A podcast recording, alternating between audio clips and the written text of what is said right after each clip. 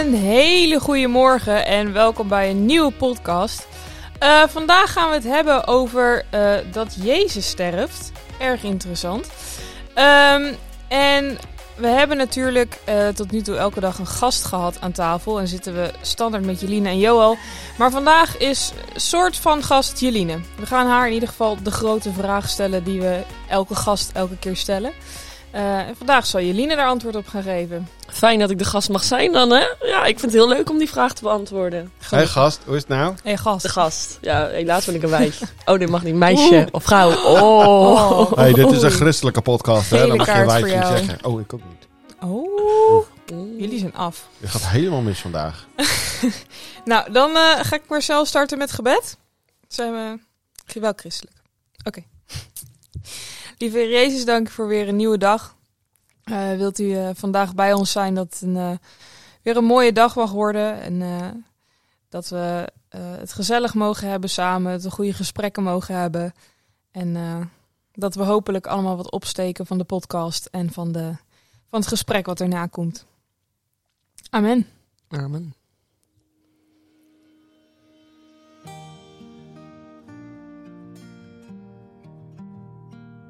Vandaag lezen we Matthäus 27, vers 27 tot en met 54. De soldaten van de prefect namen Jezus mee naar het pretorium en verzamelden de hele cohort om hem heen. Ze kleden hem uit en deden hem een scharlakenrode mantel om ze vlochten een kroon van doorntakken en zetten die op zijn hoofd. Ze gaven hem een rietstok in zijn rechterhand en vielen voor hem op de knieën. Spottend zeiden ze: Gegroet, koning van de Joden! En ze spuugden op hem, pakten hem de rietstok weer af en sloegen hem tegen het hoofd. Nadat ze hem zo hadden bespot, trokken ze hem de mantel uit, deden hem zijn kleren weer aan en leidden hem weg om hem te kruisigen. Bij het verlaten van het pretorium troffen ze een man uit Cyrene die Simon heette. En hem dwongen ze het kruis te dragen. Zo kwamen ze bij de plek die Golgotha wordt genoemd, wat schedelplaats betekent. Ze gaven Jezus met gal vermengde wijn, maar toen hij die geproefd had, weigerde hij ervan te drinken. Nadat ze hem gekruisigd hadden, verdeelden ze zijn kleren onder elkaar door erom te dobbelen. En ze bleven daar zitten om hem te bewaken. Boven zijn hoofd bevestigden ze de aanklacht, die luidde: Dit is Jezus, de koning van de Joden. Daarna werden er naast hem twee misdadigers gekruisigd. De een rechts van hem, de ander links. Rond het middaguur viel er duisternis over het hele land, die drie uur aanhield. Aan het einde daarvan, in het negende uur, gaf Jezus een schreeuw en riep luid uit: Eli, Eli, lema sabachthani. Dat wil zeggen, mijn God, mijn God, waarom hebt u mij verlaten? Toen de omstanders dat hoorden, zeiden enkele van hen, hij roept om Elia. En meteen kwam er uit hun midden iemand toegesneld die een spons pakte en in zure wijn doopte. Hij stak de spons op een stok en probeerde hem te laten drinken. En de anderen zeiden, niet doen, laten we eens kijken of Elia hem komt redden. Nog eens schreeuwde Jezus het uit. En toen gaf hij de geest. Op dat moment scheurde in de tempel het voorhangsel van boven tot onder in tweeën en de aarde beefde en de rotsen spleten.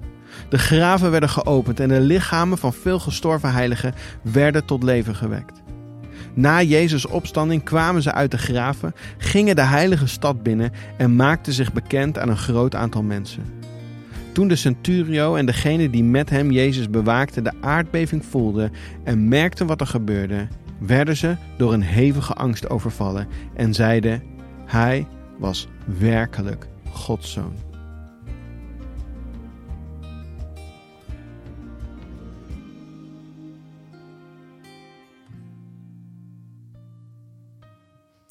Nou, dat was uh, niet niks. Nee, zeker niet. tekst. Ja. Jeline, wat doet deze tekst met jou? Wat doet het met mij? Um, ten eerste is het gewoon echt heel veel. Dus er gebeuren heel veel dingen in best wel weinig woorden. Nou, weinig ook weer niet. Maar echt gewoon veel dat ik dacht toen ik het las, dat ik echt, wow, waarom heb ik dit stukje nou? Waarom moet ik dit nou doen? Ik weet niet waar ik het over moet hebben. Maar dat was het niet, want uh, toen ik jong was, ik ga even terug in de tijd, was met mijn vader altijd. En uh, we gingen altijd, voordat je gaat slapen, ga je even met je ouders een boekje lezen. En uh, dat deden we op dat moment ook. En uh, toen ging het over de kruising. En ik vond het ton, toen op dat moment echt dat ik dacht: wow, Waarom wil iemand voor mij, voor mij, ik ben maar een persoonlijk zo'n klein poppetje op deze wereld, het leven geven. En ik zat echt zo tegen papa. Ik vind dit niet kunnen. Dat kan niet. Je kan ook niet. Want ik haat pijn. Ik haat pijn. Ik vind dat niet leuk bij andere mensen te zien. Dus toen zat ik zo van, ja, hoe dan? Hoe? Hoe kan dit? Dus dat brengt dit weer naar boven bij mij. Oké, oké. En uh, wat, uh... en wat ik heel mooi vind van deze tekst, dat uh, is dat op het laatste zeggen ze, um, zeggen de bewakers, hij was werkelijk Gods zoon. En dat is me gewoon nog nooit opgevallen dat ze dat, dat dat er überhaupt achter zit. Want ik was altijd met de kruising bezig.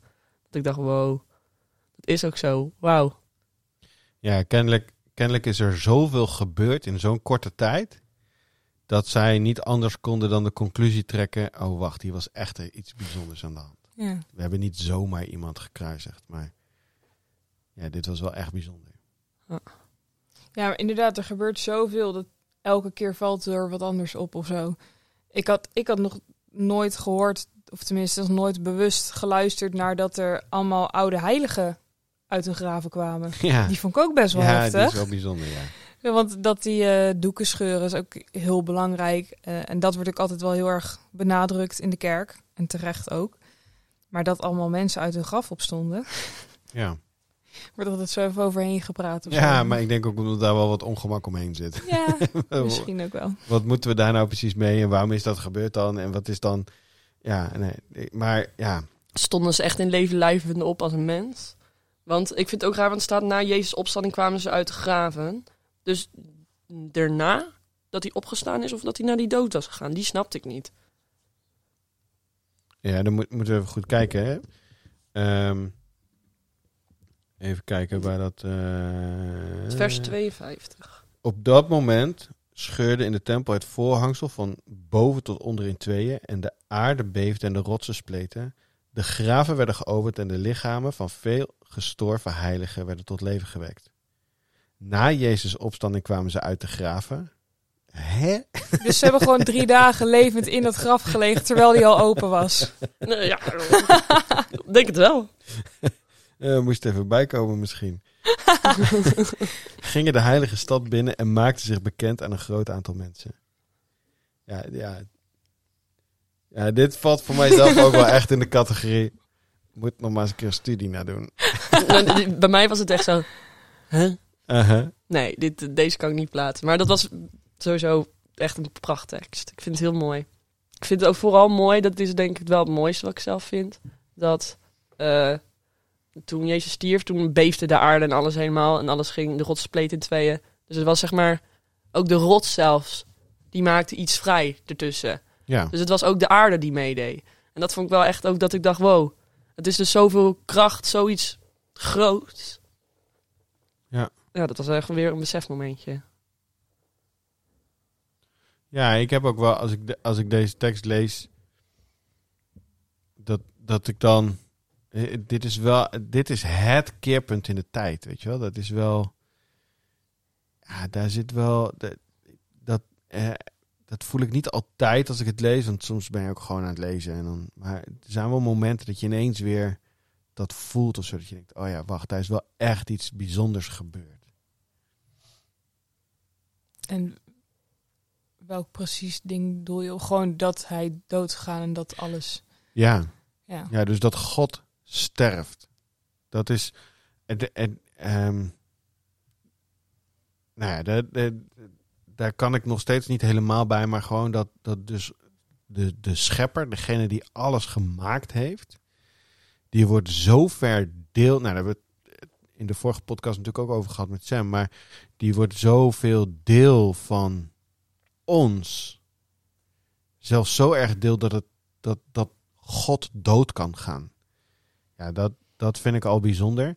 Maar dat hij dat dan ook nog eens een keertje doet om iets wat wij zelf kapot gemaakt hebben, om dat te herstellen. Dat laat wel echt iets zien over de, aan de ene kant de grootheid van God. Dat hij dus in staat is om zoiets te kunnen doen. Maar aan de andere kant ook aan de nederigheid van God. Dat hij bereid is om dat te doen. Ja, dat maakt wel dat het een verhaal is wat echt een, voor mij ook wel echt een keerpunt in de tijd is. Hmm. Eigenlijk zit er dan ook, als je dat zo zegt, heel veel liefde, zeg maar, bij. Ja, dit kan niet anders dan vanuit liefde voortkomen. Nee, want waarom zou je dat waarom zou het in vredesnaam anders doen, snap je? Ja. Dus dan denk je van ja. Ja, en dan toch van die heftige dingen erbij. Dan vind ik het wel mooi. Je hebt altijd uh, dan de ene, ene moment waar je in de kerk was God van liefde en een God van mooi en lief en leuk en vrede. En dan het andere moment, ja, en als je dit niet doet, dan uh, gebeurt dit en dit. En uh, hij, hij, je kan hem ook vrezen en zo. En dat hier gewoon, hij doet iets uit zoveel liefde. Waardoor daarna zoveel mensen bang worden, want het is donker. En de aarde gaat kapot. en uh, doeken scheuren die super heilig waren. En gewoon in één moment. Ja. Dat je dan toch een beetje kan relativeren. Zie het, het is liefde. Maar hij is ook wel echt heel... Hij is wel echt God ook. Hij is wel echt God, ja. Heel groot. En als hij, ze, als hij maar een fractie van zijn kracht laat zien, dan, dan geeft ons dat al wel in ieder geval ontzag, maar ik denk inderdaad in daar op dat moment ook echt angst. Mm Ja. Ja. Hey Luca, wat, wat was er voor jou als je dit leest? Is er iets wat er uitspringt voor je? Um, ja, nou, wij hebben het er natuurlijk al wel wat eerder over gehad, uh, over de tabernakel. Ja, en, um, de podcast met Janieke. De podcast met Janieke. En uh, dat nu dan dus die doeken scheurden. En die doeken die uh, scheiden natuurlijk het daar waar mensen mochten komen... naar daar waar je echt super bijzonder speciaal mocht zijn om te komen... Om dicht bij God te zijn. Ja. En dat ging kapot. Dus de, de grens tussen uh, waar je mag komen als mens... en tot hoe dicht bij je mag... tot hoe dicht je bij God mag komen, die grens gewoon weg. Die is kapot gegaan. Ja. Waardoor je dus echt dichter bij God kan zijn. Ja. Ja, daarmee heb je het dus over het heilige en het heilige der heiligen. Ja. Dus dat je die, dat, dat grote zware doek dat daarvoor hing. Ken je dat verhaal van... Verhaal, maar het, wat, wat ze in die tijd deden. Ik vind dat de grootste eer die je kon krijgen. Want er mocht één keer per jaar iemand in dat heilige der heiligen. Uh dat, en, en de grootste eer die je als priester kon krijgen, dat je uitgekozen werd om in het heilige der heiligen te komen. En tegelijkertijd was dat het meest angstaanjagende baantje dat je kon hebben als priester. Want je moest allemaal rituelen ondergaan en je moest echt helemaal rein zijn. Uh, zowel lichamelijk, maar ook geestelijk. Er moesten allerlei offers voor je gebracht worden. En, en dan mocht je dan het heilige der heiligen inlopen. Maar als je toch niet rein genoeg was, dan viel je ter plekke dood neer. Wat? Gewoon. Wow. Ja, dat is gebeurd. Op een gegeven moment gingen die priesters dus met een touw om hun enkel het heilige der heiligen binnen. Nee, want je kon niet naar binnen lopen om die dode priester daar weg te halen. Want je, Je zou, je zou jezelf al verontreinigen door een dood persoon aan te raken. Dus dan kregen ze een touw hun benen en konden ze hem op die manier konden ze hem eruit halen. Dus het was echt het erebaantje, maar ook echt het meest angstaanjagende baantje. Dat zegt iets over de almacht en de grootheid en de heiligheid van God. En niemand durfde die ruimte binnen te gaan. Dus je moet je voorstellen dat er dan dus ergens een paar kilometer verderop iemand gekruisigd wordt. En dat op datzelfde moment waren een aantal priesters bezig in de tempel. Sowieso waren ze druk, want het was Pesachfeest, dus er gebeurde van alles in de tempel. En er waren priesters bezig in het heilige.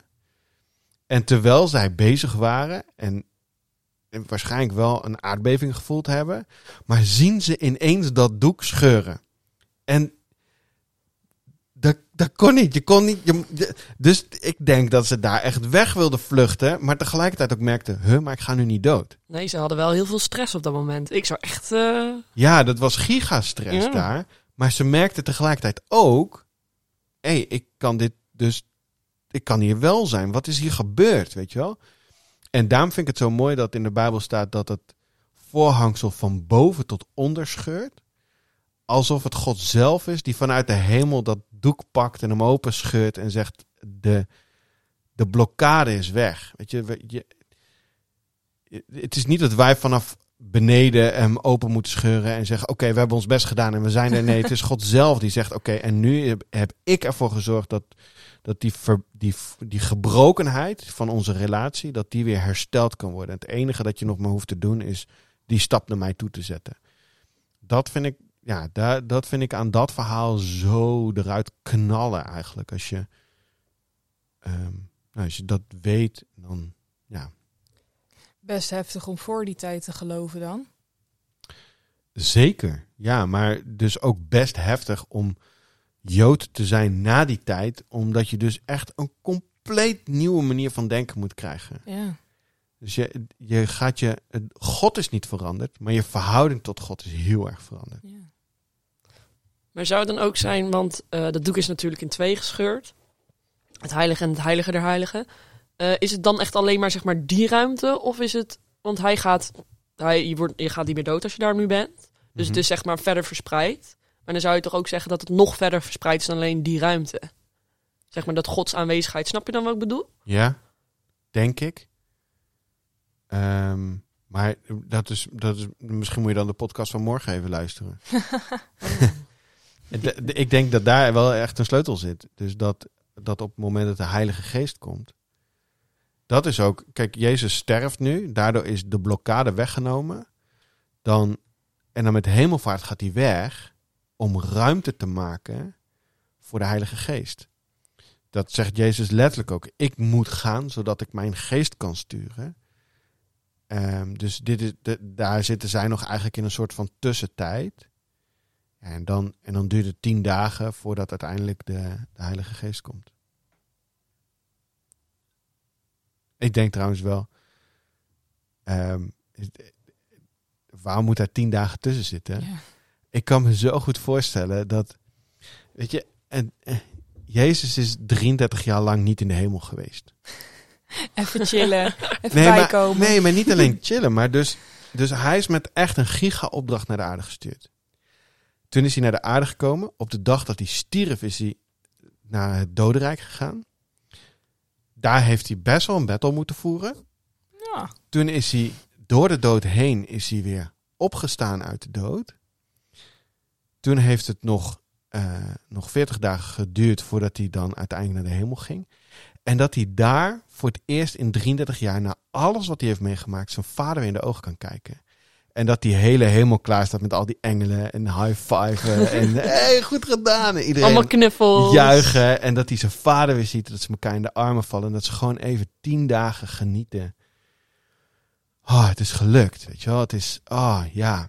En dat ze daar gewoon even, en dat, dat, en dat de Heilige Geest daarbij is. En dat ze gewoon echt met elkaar van dat moment kunnen genieten. En dat dan op een gegeven moment God zegt, oké, en nu is het tijd. En dan dat dan de Heilige Geest naar de aarde komt. En het is een super menselijke gedachte natuurlijk, maar ik, ja. ik stel me daar wel zoiets bij voor, weet je. Dat je denkt, oh ja, gewoon die, dat ook bij God die opluchting er is. Ja, dat die emotie ook ja. voorkomt. Want je, dat besef je niet. Maar er zit wel echt ook nog, je leest soms ook in de Bijbel, de eerste keer dat me opviel dat Jezus moe was. Ja. Dus Jezus is moe.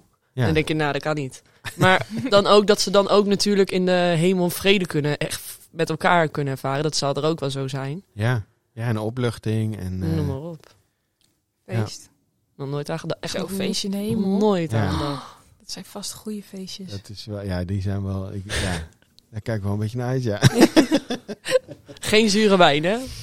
En um, Jeline, waarom past dit Bijbelgedeelte zo goed bij wat wij deze reis bespreken? Ik denk uh, dat zeg maar, er is een weg en die moet je bewandelen, maar je kan niet zelf die weg alleen wandelen. Dus je kan het niet alleen. En uh, er moet iemand zijn die voor jou die weg zeg maar openmaakt. Dus er staat een struik op de weg. Nou, we doen een boom die zwaarder. alleen je krijgt de boom niet weg in je eentje.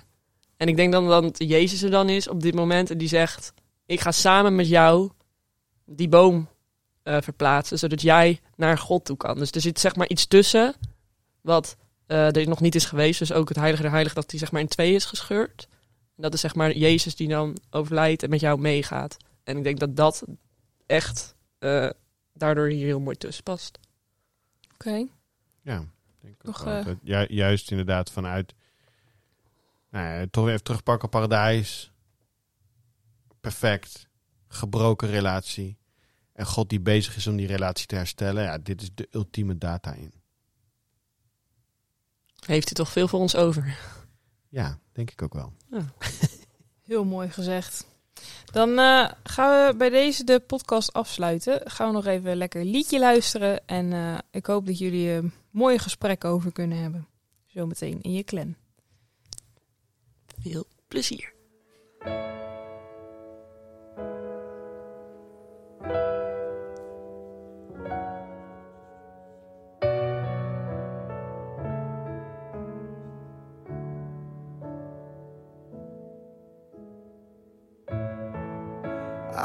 Living proof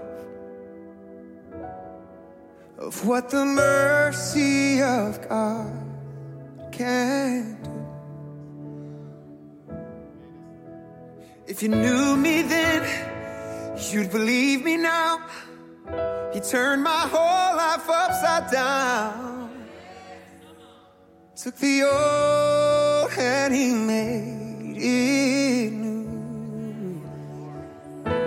That's just what the mercy of God can do. Now I'm alive to tell the story how I've overcome. It's His goodness and mercy and the power of His blood. I'm so glad that my freedom wasn't based on what I've done. The goodness and mercy and the power of the blood. So much power in the blood.